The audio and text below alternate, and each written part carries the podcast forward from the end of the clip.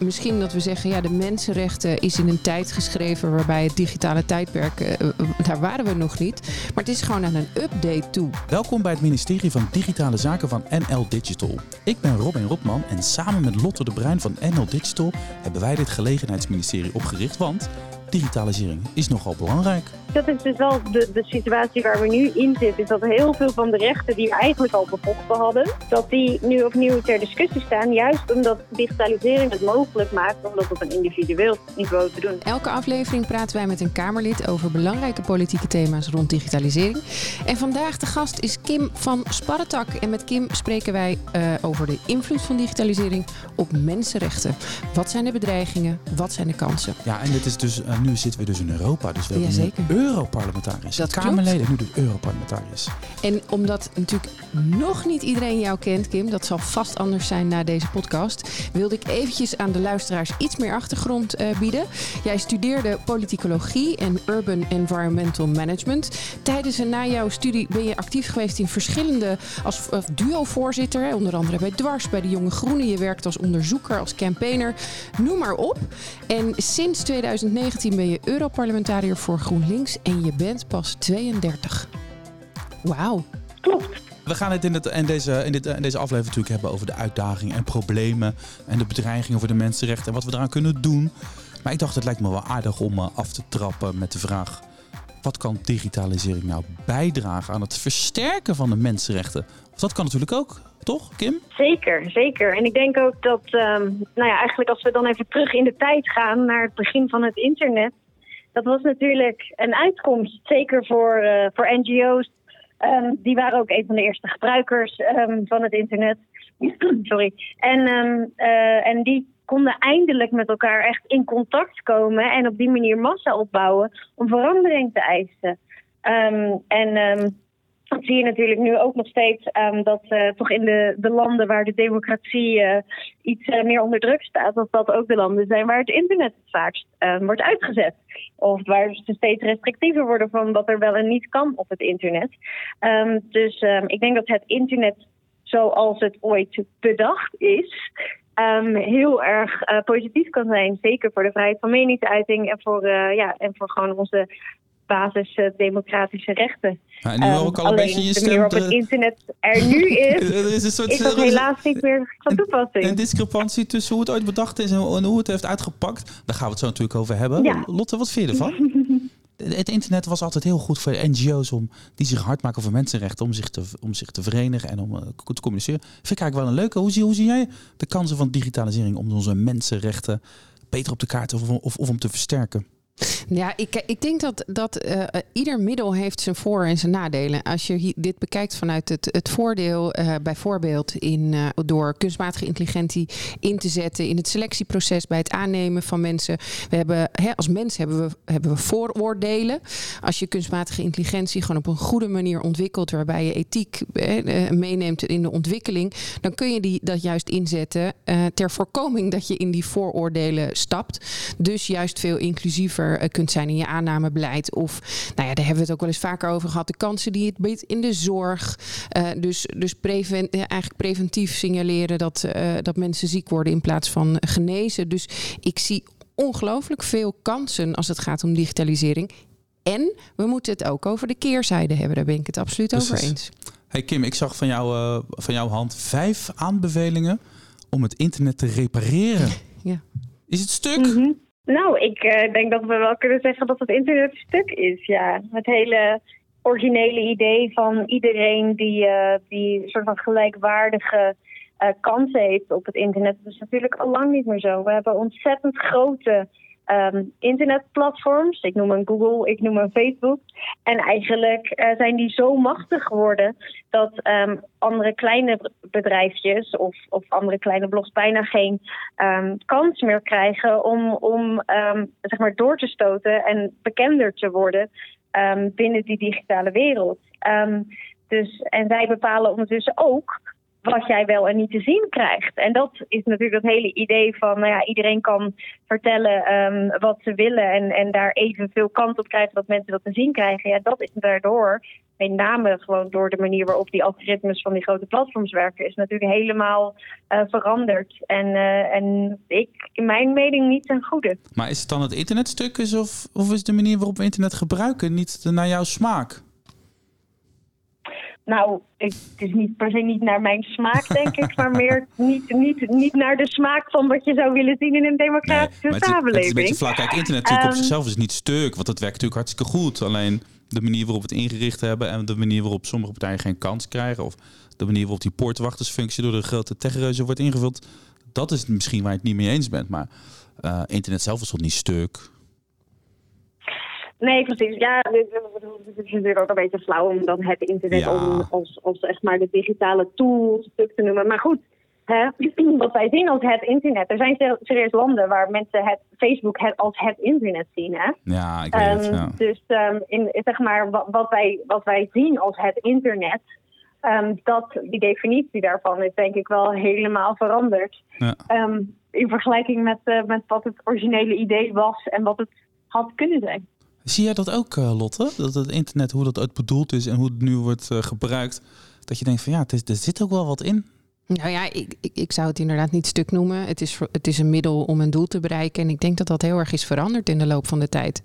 En ehm, kijk, we zien natuurlijk dat er heel veel technologische ontwikkelingen op ons afkomen. En, en waar je een soort voortschrijdend inzicht nodig hebt om te kijken hoe ga je dat nou, hoe ga je dat nou met de kennis van nu. eh, eh, hè, maar je weet niet precies wat er in de toekomst mee gaat gebeuren. Hoe ga je dat nou op een goede manier inrichten? En dat, dat vraagt wel om een bepaalde mate van flexibiliteit. Dat je kunt bijsturen eh, op het moment dat je ziet dat de scope verandert. Want ik denk dat vooral eh, de, de scope heel erg is veranderd van het internet. eh, ten opzichte van hoe het ooit is begonnen. Dus dat, dat snap ik wel.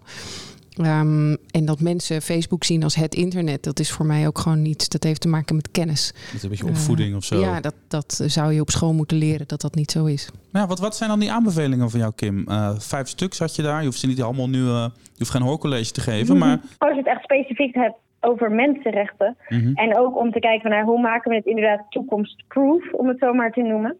Ehm, dan moeten we eigenlijk veel beter toetsen ehm, hoe mensenrechten worden gewaarborgd op het internet. Neem bijvoorbeeld ehm, de terms and conditions van, van die grote platforms. Hè? Mhm. Die mogen die platforms gewoon zelf schrijven. En als die platforms dan zeggen, het is helemaal top om eh, super racistisch te zijn op mijn platform, dan is dat gewoon volgens de terms and conditions en dan is dat helemaal prima. Maar gebeurt dat? Wel, dat dat ergens ja, in de terms and hebben- conditions staat? Dat soort teksten? Dat staat ook nooit in de terms and conditions. Dat racisme Nee, tof maar ik noem het nu als een, als een, als een voorbeeld. Ja, Want, nee, dat snap ik. ehm, Maar... En, eh, en ehm, nou goed, daar zou je eigenlijk moeten checken. Wat er wel is, is dat bijvoorbeeld je niks over LHBTI-zaken mag laten zien. Nou, dat is in principe natuurlijk hetzelfde. Mhm.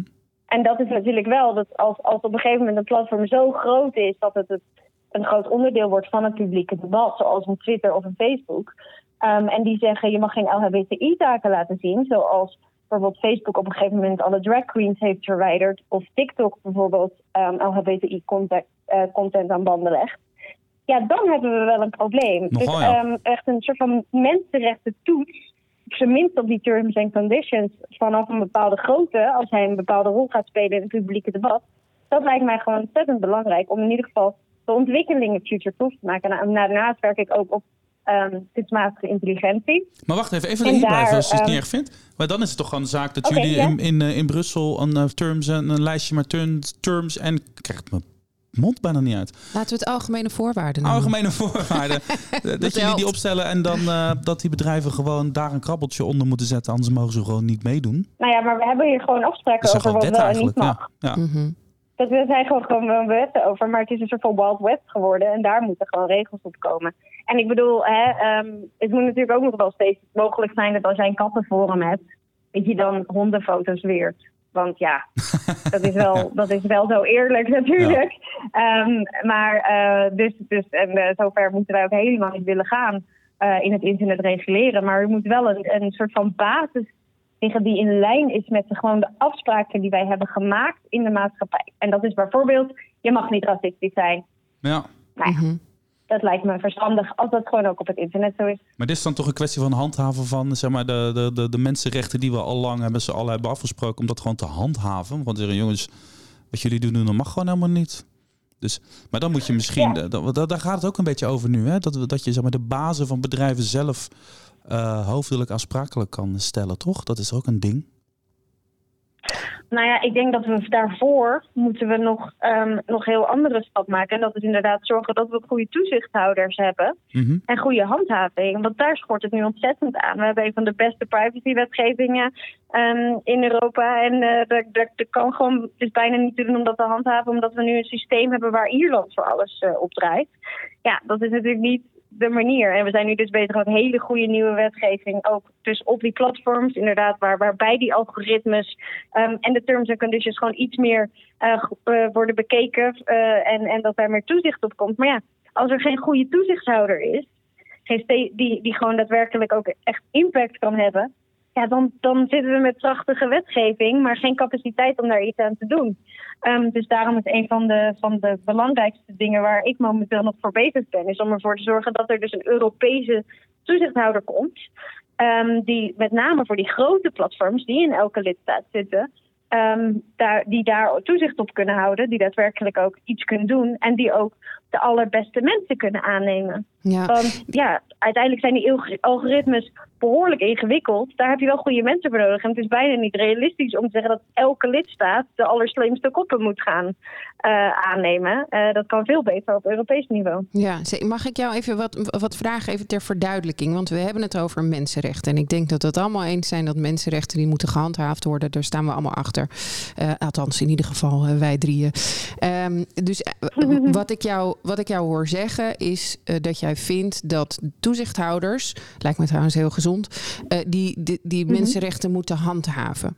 Toch? Dus ook op In een. ieder geval ook op moeten een kunnen toetsen of die mensenrechten worden, ja. weet je wel, of die niet worden geschonden door bijvoorbeeld het algoritme of de terms and conditions, door die platforms. Ja. Ja, precies. precies. En, en geef jij dan ook aan dat dat op dit moment niet gebeurt en dat, dat digitale bedrijven of platforms zelf bepalen, ehm, zonder zeg maar incentive, zonder prikkel van, van overheid of, of welk land ze dan ook in opereren, om iets wel of niet on- offline te halen? Dat probeer ik even te begrijpen. Ik, ik heb het nu niet over of iets wel of niet on- offline halen. Dat is denk ik weer een andere discussie. Ook heel interessant en belangrijk. En zeker als het gaat over eh, freedom of speech en Mhm. vrijheid van meningsuiting en dat soort zaken.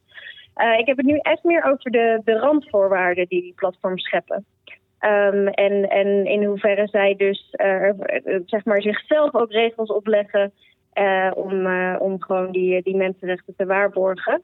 En ehm, het lijkt me heel goed als daar gewoon op wordt toegezien. En aangezien wij nu ehm, in, in heel veel dingen eigenlijk geen inzage Mhm. hebben, is dat, is dat ontzettend lastig. En daarom zou het gewoon heel goed zijn ehm, als ook bijvoorbeeld die autoriteit kan kijken naar die algoritmen en wat die precies doen. Of die algoritmen Ja. niet eigenlijk zo zijn ingesteld dat extreem recht altijd boven komt. Wat Ja, ja, die algoritmes op zichzelf zijn natuurlijk ook niet het pro- pro- probleem. Hè? Wat is, eh, het gaat Nee. erom, eh, wat, wat is nou jouw specifieke eh, probleem met die algoritmes dan? Nou, ik denk dat de, de, de klokkenluider, de Facebook-klokkenluider Francis Hogan dat heel goed heeft uitgelegd. Ehm, want ja, je hebt een algoritme en dat algoritme bepaalt wat jij op welke volgorde te zien krijgt en wat daarna jou wordt aanbevolen.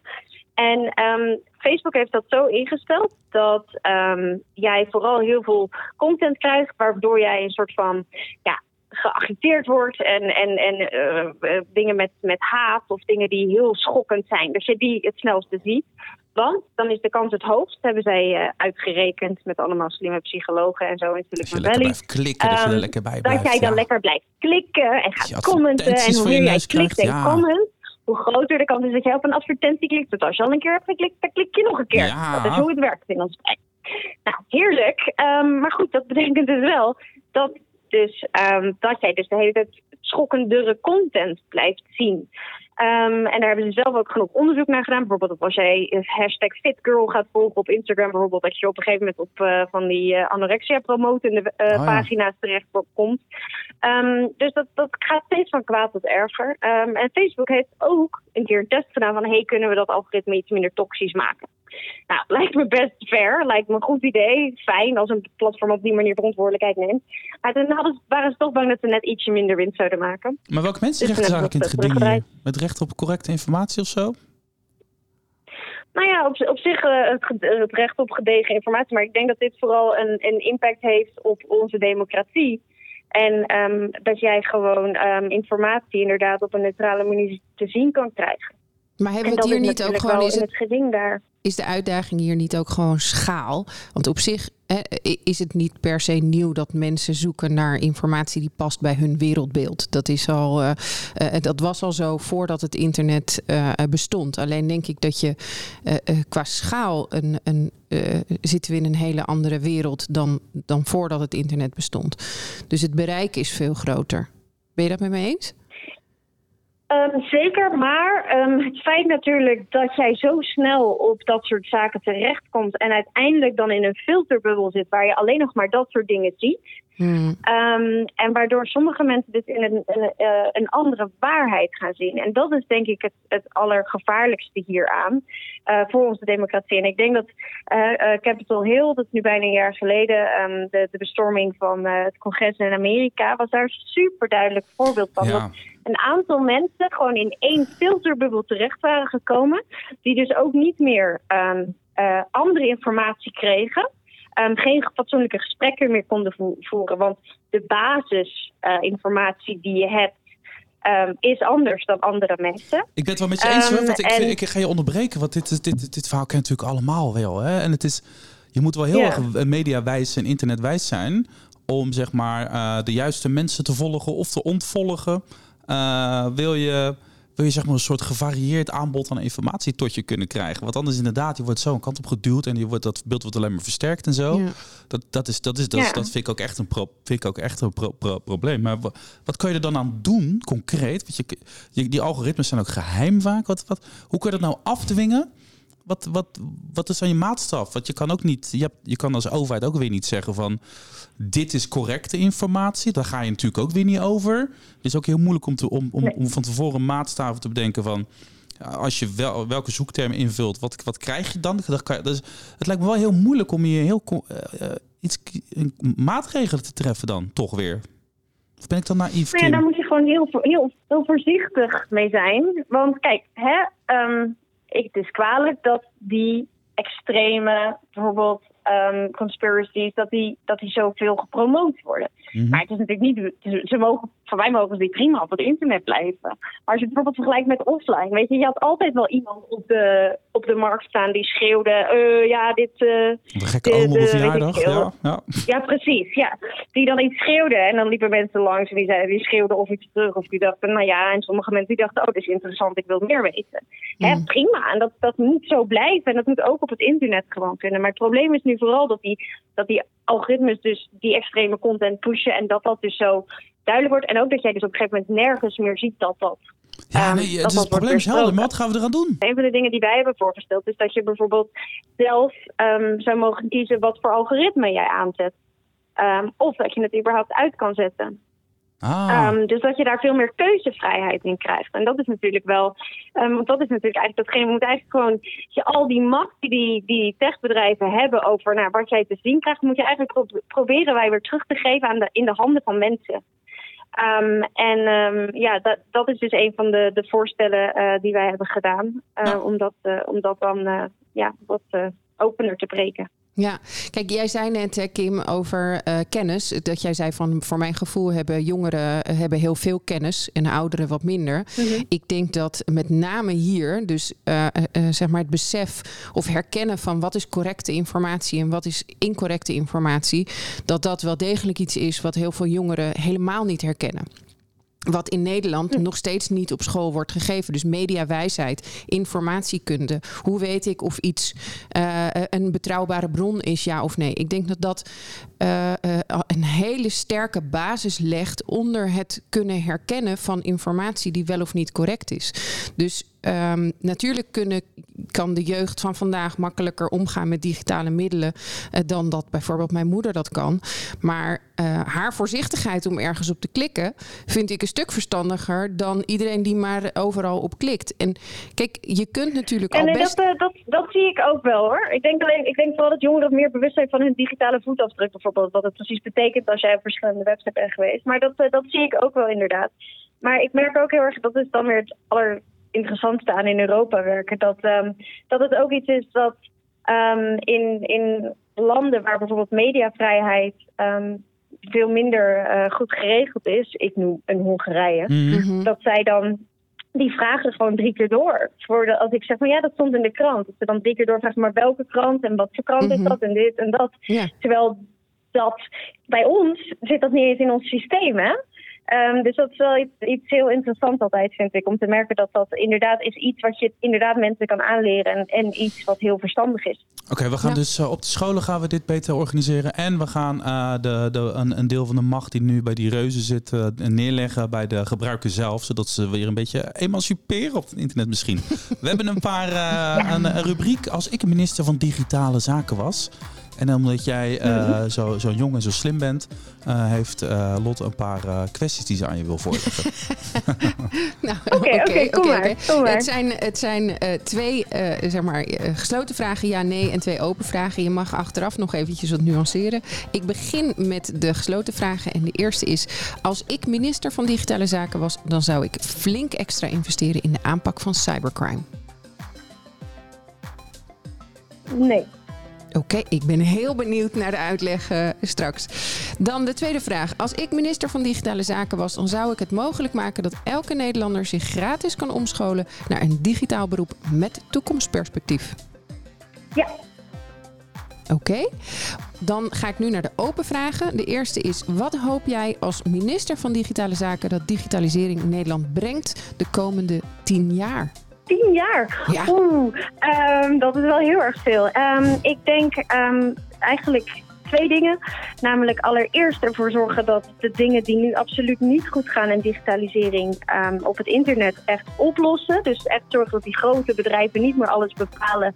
Niet alleen op het internet, maar ook in de echte wereld. Dus bijvoorbeeld Google scholen, dat soort zaken. Dat we daar veel kritischer op worden en veel meer daarbovenop gaan zitten. En daarnaast dus zorgen dat Um, ja, dat we future-proof worden. Dus dat er daadwerkelijk ook digitale rechten komen voor mensen. Um, dat jij, als er een algoritme iets bepaalt, dat jij daar altijd over in beroep kan gaan. Dat er altijd een menselijke uh, kijk moet zijn op algoritmes. Zodat een toeslagenaffaire bijvoorbeeld niet meer zomaar kan gebeuren. Omdat een algoritme zegt dat jij misschien wel fraudeert. en ervoor zorgt dat werknemers ook digitale rechten krijgen. En dat brengt dan een eerlijker uh, een eerlijkere wereld, uh, om het maar even zo te vertalen? Nou, dan krijgen wij een, een digitale wereld waar um, niet grote bedrijven bepalen wat er gebeurt en waar Mhm. mensen gewoon nog steeds autonoom zijn. Dus niet uh, computer says no, maar uh, ambtenaar says no. Dus de, uiteindelijk gaat er een mens over, et cetera. En dan de laatste. Want met een ambtenaar kan je tenminste in gesprek. Precies, ja, nee, ja. die snap ik wel hoor. Die voel ik wel deze. Maar die ambtenaar heeft ook vooroordelen, hè? dus uh, we moeten niet blind zijn voor de menselijke vooroordelen. Dus we kunnen AI zeker, ook, ook zeker. Maar, maar, maar, we hebben supergoeie, we hebben supergoeie AI bijvoorbeeld om Precies. dan ervoor te zorgen. Want ik hoorde laatst iets wat echt mijn lievelings AI is tot nu toe, denk ik. Nee, niet mijn lievelings, want dat is denk ik uh, kankers naar de opsporen. Maar um, een ja. van de dingen die. Um, die ik, uh, die ik laatst hoorde, was dat je nu, als er een, uh, een uh, advertentie wordt gemaakt voor een sollicitatie, dat, um, dat ze daar nu een AI op kunnen laten zetten om te kijken of daar al een bias in zit. Dus nog even, zelfs voordat mensen solliciteren, kun je al kijken of er eigenlijk al een heleboel woorden worden gebruikt waar mannen of vrouwen zich meer toe, toe aangetrokken voelen. Dus dat vind ik wel bijvoorbeeld een heel interessante manier om dat, om dat dan. Ja, je hebt, je hebt eigenlijk nu juist uh, antwoord gegeven op, uh, op vraag nummer vier. Hè? Van welke digitale ontwikkeling uh, word jij als minister van Digitale Zaken ontzettend blij? Nou, dat is dit algoritme, dus fijn, dankjewel. Even die, die, die, die, die, eerste, de aanpak van cybercrime, denk je van nou, er is zeker wel genoeg geld in. Nee, maar de, de vraag was blind, toch? Flink extra investeren in de aanpak van cybercrime. was de Oh, vraag. je verstond mij niet goed. Flink extra, Ik ja. verstond blind. Oh, sorry. Ah. Nee, ik dacht echt, we gaan niet blind extra investeren in... eh, nee, daar, daar moeten we wel zorgvuldig mee omgaan. Maar wel flink flink extra? zeker. Wel flink Flink, extra? zeker, zeker. Ah, oké. Zeker, goed zo. zeker. Oké, oké. Oké. Hey, we gaan door met die, met die mensenrechten. Ik merk dat het een beetje, ik vind het een abstract thema. We voelen vaak een heleboel dingen, daar zijn we het over eens. Maar dan is het, blijft het een beetje lastig, wat gaan we dan doen? Privacy is ook zo'n dingetje. hè? Eh, daar, daar gaat het ook Mhm. altijd over. Als Ding, over zou ik het willen noemen. Ja, precies. Ehm, eh, wat is nou, als je het hebt over privacy, nou, wat, je kan daar alle kanten mee op. Wat is op dit moment de bedreiging voor onze privacy? Mm, ik denk toch dat de bedreiging voor onze privacy is dat ehm, wij eh, overal steeds meer gesurveilleerd worden. Dus op het internet de hele tijd worden getracked, maar ook steeds vaker buiten het internet. Dat onze data ook door de overheid wordt gebruikt om ons te klassificeren in dingen. Maar ook dat je steeds meer biometrische surveillance ziet op universiteiten, ehm, in, in ziekenhuizen, op straat zelfs. Ehm, en dat, dat we ons nog niet genoeg realiseren hoe, eh, wij, eh, eh, hoe, hoezeer wij al op heel veel plekken worden gevolgd. En hoe wij eigenlijk tot de data worden gemaakt. Van wie is al die data eigenlijk? Van wie is al die data die erg. over mij wordt verzameld? Van wie is dat? Ik hoorde daar iemand laatst over roepen dat er een soort dataproletariaat ontstaat. Hè? dus er zijn eh, partijen die verzamelen allemaal data over mij. En ik krijg daar mondjesmaat wat eh, diensten en services voor terug. Eh, maar zij profiteren er veel meer van. V- waarom is die data eigenlijk niet gewoon van mij? Dan bepaal ik zelf wel of Ja. ze, wat ze ermee mogen. Ze ermee mogen. En dan hebben we het over overheden, bedrijven, whatever. Maar ja, wat, wat ook hier is ook weer de vraag. We voelen dit allemaal wel. Maar wat gaan we eraan doen? Wat kun jij eraan doen? Nou, daarom is het zo belangrijk om digitale rechten echt voor mensen ook te waarborgen, zodat je die autonomie blijft houden. In principe is het zo dat, ehm, dat je onder de, de AVG ehm, altijd mag vragen welke data heb jij van mij en alsjeblieft eh, geef het me terug. Maar we weten dat dat in de praktijk ehm, nou ja, heel erg ingewikkeld is, ook omdat daar veel, veel te weinig eh, geld voor is. Echt eh, meer geld voor de autoriteit persoonsgegevens alsjeblieft. Als ik minister van Digitale Zaken zou zijn, dan komt, die, komt dat er ook. En niet alleen cybersecurity. Oh, hoeveel, moet je bij, Ehm, eh, hoeveel moet erbij eigenlijk? 100 miljoen of zo? Hebben ze nodig? Aleid Wolfse, de privacy eh sheriff. Oh, ik heb, eh, sorry, ik, ik heb even het, het Nederlandse budget, dat eh, zit even niet in mijn Ah. hoofd, maar veel. Nou, maar goed, daar moet veel. budget bij. Dus het gaat Genoeg. over geld. Er moet om- gewoon genoeg, bij, genoeg zodat ze daadwerkelijk hun werk kunnen doen. Ehm, en, ehm, eh, maar ehm, ja, volgens mij, en, en dus wij hebben op zich al, al wel dat recht, maar dat is dus heel erg lastig om te handhaven. En ook veel mensen zijn er, zich daar niet bewust van. Ehm, en, maar ik denk dat het allerbelangrijkste is dat het nu ehm, zo ontzettend lastig is om dat te stoppen, die dataverzameling. Hè. We weten allemaal, ik bedoel, ik, en ik ben, er, ik ben er veel mee bezig. En eh, accept all cookies, dat is altijd tien keer makkelijker. Ja, hè, Maar jawel. hier zijn we trouwens druk mee bezig om dit te verbieden. Eh, dit is een van de dingen die, eh, die waar nu over onderhandeld wordt. Dat dat soort dark patterns, heet dat dan, donkere patronen, zoals dat de accept all cookies button, dat die gewoon veel makkelijker te beklikken is. Ehm, Ja, en die is ook dat veel mag groter. niet meer binnenkort. Soms moet ik echt heel erg zoeken. Dan kan ik al van alles aanklikken. En dan weet ik eigenlijk nog steeds niet of, of wel- welke accept. Er zijn er ook twee Nee, of drie en dan klik je weer door en dan ga je door dit hele proces van alles uitzetten. Dat maakt het dan super lastig. En dan onderaan klik je dan ongeluk alsnog weer op accept all anyway. We hadden trouwens in Oh, een van onze De eerste afleveringen hadden we, hadden we Kees Kees, Verhoeven. Die heeft ja. al zijn excuses aangeboden dat dit ooit eh, er doorheen is gekomen. Dat ging, dat ging hierover, hè? Ja, dat vond hij een van zijn grootste blunders, de cookiewet. Maar ja. volgens mij heeft Kim het over hoe het wordt toegepast eerder dan de de cookiewet Ah, zelf. dus het gaat tot nog steeds Ja, nee, want het zou, je, het, het- we gaan het nu dus. ehm, nou, het, standpunt van het Europese parlement is nu dat ehm, dat, dat dus niet meer mag. Dus dat je gewoon accept all of niet. Gewoon ga dat je er daar gewoon op kan klikken en altijd dat het doorheen. hetzelfde is. Altijd. Ik ga altijd door die hele lijst. Ik zet alles uit. En dat maakt overigens ook dat ik niet in zo'n filterbubbel terechtkom. Eh, dus, eh, en ik leeg ook altijd mijn hele, hele geheugen als, eh, als ik de boel afsluit. Als je het hebt over privacy, Lotte, hoe ervaar jij dat zelf? Jouw persoonlijke leven? Heb jij het gevoel dat jouw privacy, dat je privacy hebt nog? Ja. Ja? Maar dat is wel omdat ik weet hoe ik dat moet waarborgen. En het is een relatief begrip. Ik geloof niet dat er 100% privacy is. Net zo goed dat ik niet geloof dat er 100% veiligheid is. Ehm, ik heb wel de indruk dat ik misschien bovengemiddeld eh, weet hoe ik het zo goed mogelijk kan waarborgen. En ik vind dat dat dat een grondrecht is van iedereen. Het bewustzijn daarvan. Dat, ja. dat, dat, is ook een van je stokpaardjes. Hè? Dit moet in het onderwijs. Die moet er handig in worden. Ja. En dat is Kim het natuurlijk niet mee oneens. Nee, natuurlijk. Uh, iedereen moet, uh, moet beter, moet, uh, moet gewoon fatsoenlijk onderwijs hierover krijgen. Hoe meer we digitaliseren. Maar ja, we, we, we blijven het wel gewoon toestaan dat, dat overal wij, worden dat wij over het hele internet worden getracked. Hm. En dat is, blijft voor mij iets wat ik nou ja, ik onbegrijpelijk vind dat we dat maar prima vinden dat al onze data maar wordt verzameld door die techreuzen. Um, en uh, terwijl er gewoon genoeg manieren zijn, want het is natuurlijk alleen maar zodat zij ons beter kunnen targeten met advertenties. Mhm. Er zijn genoeg manieren om het te doen zonder dat je ons de hele tijd trackt. Um, maar ze hebben gewoon besloten dat dit de manier is. en, ik, vroeg, um, ik vroeg me ja. af, Kim, is, is een veilige internetomgeving, cybersecurity, is dat ook een, uh, een grondrecht? Of zou dat moeten zijn? Um, zou het in, wat mij betreft moeten zijn, weet ik eigenlijk niet.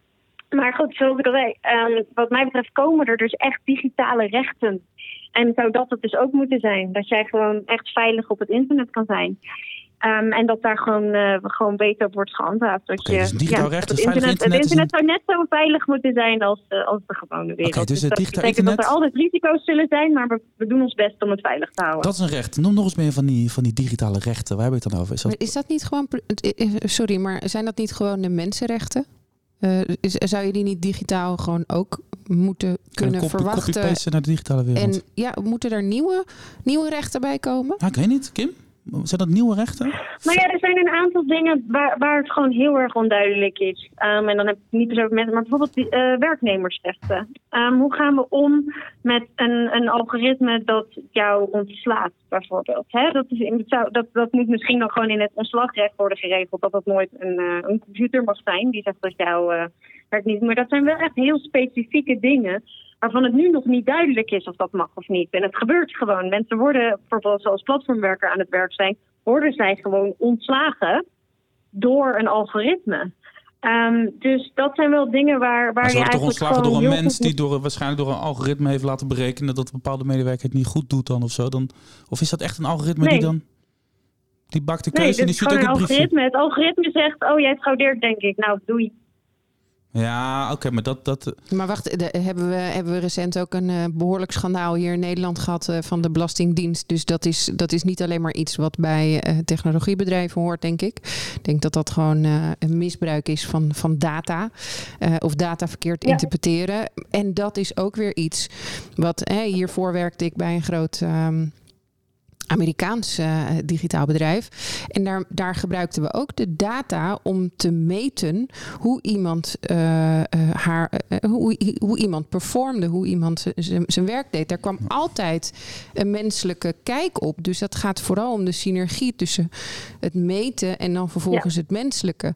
En dit is precies wat ik net bedoelde in het begin over, dat, over het ontstaan van het internet. En dat dat dan gaat groeien en een eigen leven krijgt en, en, en van scope verandert. Dat gebeurt hier natuurlijk ook met, die, met de, de, de rechten. En misschien dat we zeggen, ja, de mensenrechten is in een tijd geschreven waarbij het digitale tijdperk, uh, daar waren we nog niet. Maar het is gewoon aan een update toe. En we moeten het in ja. die mate flexibel houden dat je dat ook kunt aanpassen. Nou ja, op zich, kijk, en dat, maar dat is dus wel de, de situatie waar we nu in zitten. Is dat heel veel van de rechten die we eigenlijk al bevochten hadden, dat die nu opnieuw ter discussie staan. Juist omdat digitalisering het mogelijk maakt om dat op een individueel niveau te doen. Neem bijvoorbeeld, hè, um, je zegt net, data worden, worden dan verzameld en ge gebruikt om, om, om, om, zeg maar, ons te leiden in een beslissing over iemand. Te adviseren, niet te leiden. Uh, maar wat je, ja. ja, precies. Ja, precies. Um, maar um, en, en uh, nou ja, goed, dat, moet, dat moet denk ik ook gewoon kunnen, zolang er inderdaad maar een menselijke maat blijft waarmee je, waarmee je dan in gesprek kan gaan.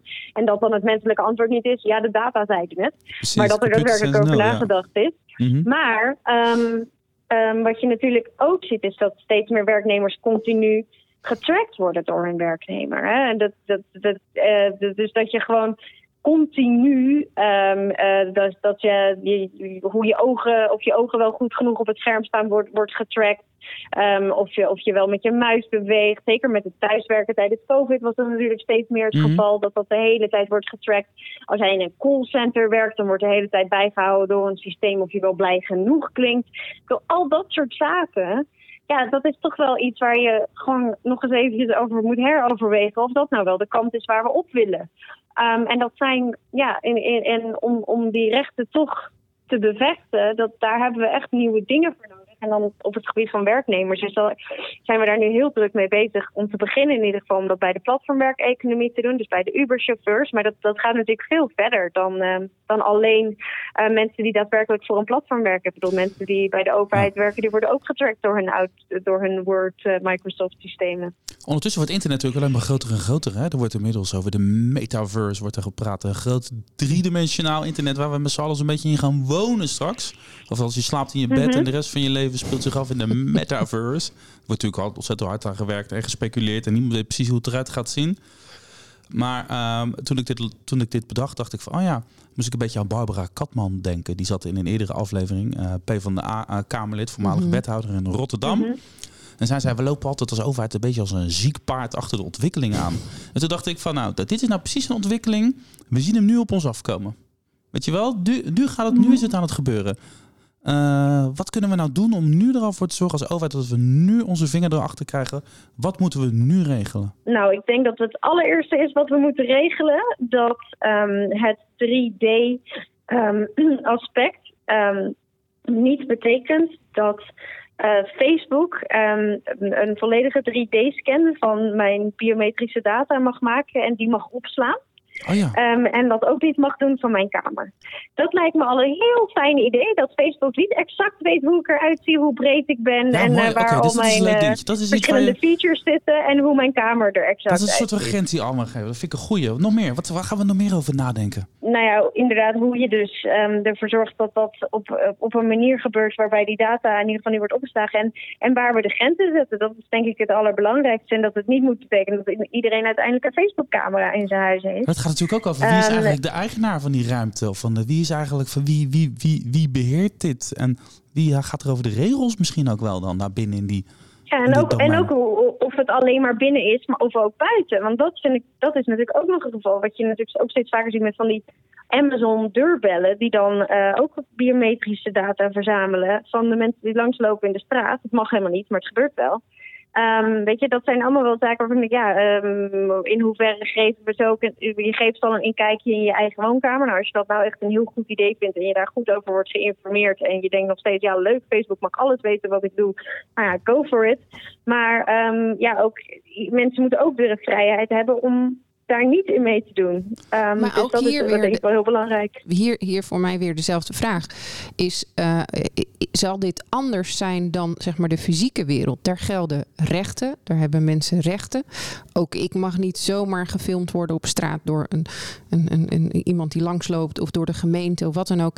Waarom zouden diezelfde rechten niet vanaf de start. Nou ja, metaverse is al iets wat is begonnen. Het lijkt me overigens heel saai. Maar uh, uh, ja, nou ja, we zitten nu toch allemaal in een vreemde metaverse thuis in onze kantoortjes en, uh, en, en, verder weinig menselijk contact. Maar oké. Okay. Het is eigenlijk die, die, de rechten die we hebben gaan copy-pasten. En ja, dat, moet, waarom, dat moet de basis blijven eigenlijk. Waarom is dit anders? Waarom is dit anders dan de fysieke wereld? Ja, ik, ik snap wel dat er een verschil is, maar de rechten... Waarom zouden die anders moeten zijn in, in een metaverse dan fysiek? Volgens mij is het gewoon heel belangrijk dat we, dat we ervoor zorgen dat die rechten worden gewaarborgd. En het mhm. probleem is natuurlijk dat hè, we hebben het nou niet over het bedrijf dat laat zien dat, die, dat ze het doen voor de good, good sake en voor, uh, voor om de wereld een stukje beter te maken. Het enige wat Facebook drijft is meer data verzamelen en meer winst maken. Um, en dat is niet een bedrijf waarvan, je, waarvan ik zou denken... Oh, het gaat meer over het principe, hè? De metaverse, het gaat niet alleen over Facebook. Het gaat meer over de, de principiële vraag is een beetje... Of die regels die gewoon doorgekopieerd kunnen worden naar die digitale wereld. Hè? Of waarom nou ja, wij, hebben, wij kunnen vrij weinig doen hè, als overheid over wat er in mensen in woonkamers gebeurt. En gelukkig uh, kunnen wij dat niet. Um, dus dat is natuurlijk wel een ding. Van hoe, hoe, hoe begrens je dat? Um, uh, om uh, uh, wat er dan precies in, in mensen in woonkamers gebeurt. En ik zou zeggen, inderdaad, hè, eh, er zijn strenge regels over ehm, wat er wel en niet mag eh, op straat. Maar dat, daar Mhm. is gewoon ook weer meer handhaving nodig. We hebben een, eh, een vraag uit, het, eh, uit de achterban van, eh, van Lotte, uit de, digitale industrie. Wie, heb eh, wie is de gelukkige dit keer, Lotte? Dit keer is de gelukkige onze oud-collega Sylvia Huidenkoper. Zij, ehm, toen zij nog bij NL Digital werkte, was zij een van de founders van onze Data Pro-code. Eh, op dit moment is zij werkzaam bij haar eigen bedrijf eh, Huidenkoper IT en Recht. En haar vraag gaat over, ik leid hem even in met een stukje tekst. Dat is voor verwerkersovereenkomsten binnen de Europese Unie zijn nog geen standaarden vastgesteld voor, door toezichthouders. Terwijl de GDPR daar wel in voorziet. NL Digital heeft een neutrale verwerkersovereenkomst met standaardclausules opgesteld, die een bijlage is bij onze Data Pro-code die ik eerder noemde. En haar vraag is: hoe kan het. eh, hoe kan het Europees Parlement helpen om goedkeuring van dergelijke neutrale verwerkersovereenkomsten en standaardclausules te bevorderen? Nou, Dat is een heel verhaal.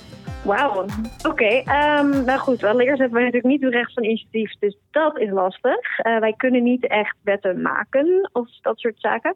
Ehm, maar goed, er is wel überhaupt een, een, een discussie gaande over nou, hoe zorgen we er inderdaad voor dat ehm, die GDPR makkelijker te handhaven is. En ook dat we daar dus genoeg capaciteit voor hebben.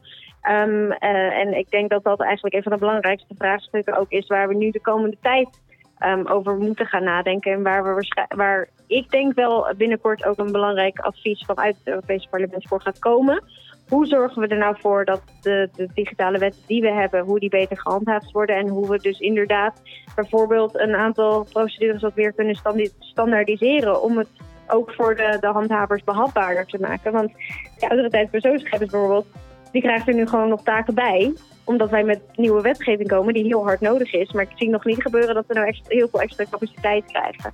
Ehm, dus ehm, wat wij als Europees Parlement eh, gaan doen is de komende tijd daar ehm, eh, veel over nadenken. En waarschijnlijk ook een eh, opdracht aan de commissie aangeven om daar meer mee te gaan doen. Ja, en, en iets wat ik daar zou willen toevoegen, of dat je meeneemt ook in de gesprekken, is dat dit ook heel veel vraagt van brancheverenigingen zoals de onze en ook van bedrijven. Dus het is niet zo dat, zeg maar, met het eh, eh, geven aan de, aan de toezichthouder dat het daarmee ophoudt. Eh, de, de, het is een soort sneeuwbaleffect die uiteindelijk dan ook weer bij ons passeert. Dus het is eh, heel belangrijk om die standaardclausules en die verwerkersovereenkomsten te bevorderen als je het mij vraagt. hey Kim, vraag je nog? Laatste vraag. Heb, jij, heb jij een beetje zin in die, eh, in die nieuwe digitale wereld? Ja, ja hoor. Vooral als, als we dan ook ervoor gaan zorgen dat, de, de, de, dat we de arbeidsweek korter maken en zo. Omdat dingen allemaal veel eh, beter geregeld worden. Eh, Daar kijk ik wel naar uit. Ja, ik eigenlijk ook wel. We gaan er, eh, we gaan er iets moois van maken met z'n allen. We zitten er al lang al in. Ja, Eh, Kim van Sparretak, GroenLinks Europarlementariër, dankjewel voor je tijd. Dankjewel. Succes met je mooie werk daar in, eh, in Brussel en deels in Straatsburg. Eh, hey, ik, en ben, als- ik bel nu vanuit Straatsburg in. Ja, Dus, eh, precies. Maar je zit ook een deel van de tijd in Brussel, nu weer in Straatsburg. Hey, eh, Lotte, als, als Kim nou al die andere afleveringen wil terugluisteren met Almere aan de politie, want ze is vast benieuwd wat haar collega's allemaal te zeggen hebben over digitalisering. Dat zou ik wel zijn. Waar als kan ik ze dat dan doen? Nou, dat kan via je favoriete podcast-app. Of je gaat naar het ministerie van Digitale Zaken.nl. Ga je ons een beetje volgen, Kim? Zeker, zeker. Gaan we jou volgen. Dankjewel. Dankjewel. Dag. Dankjewel.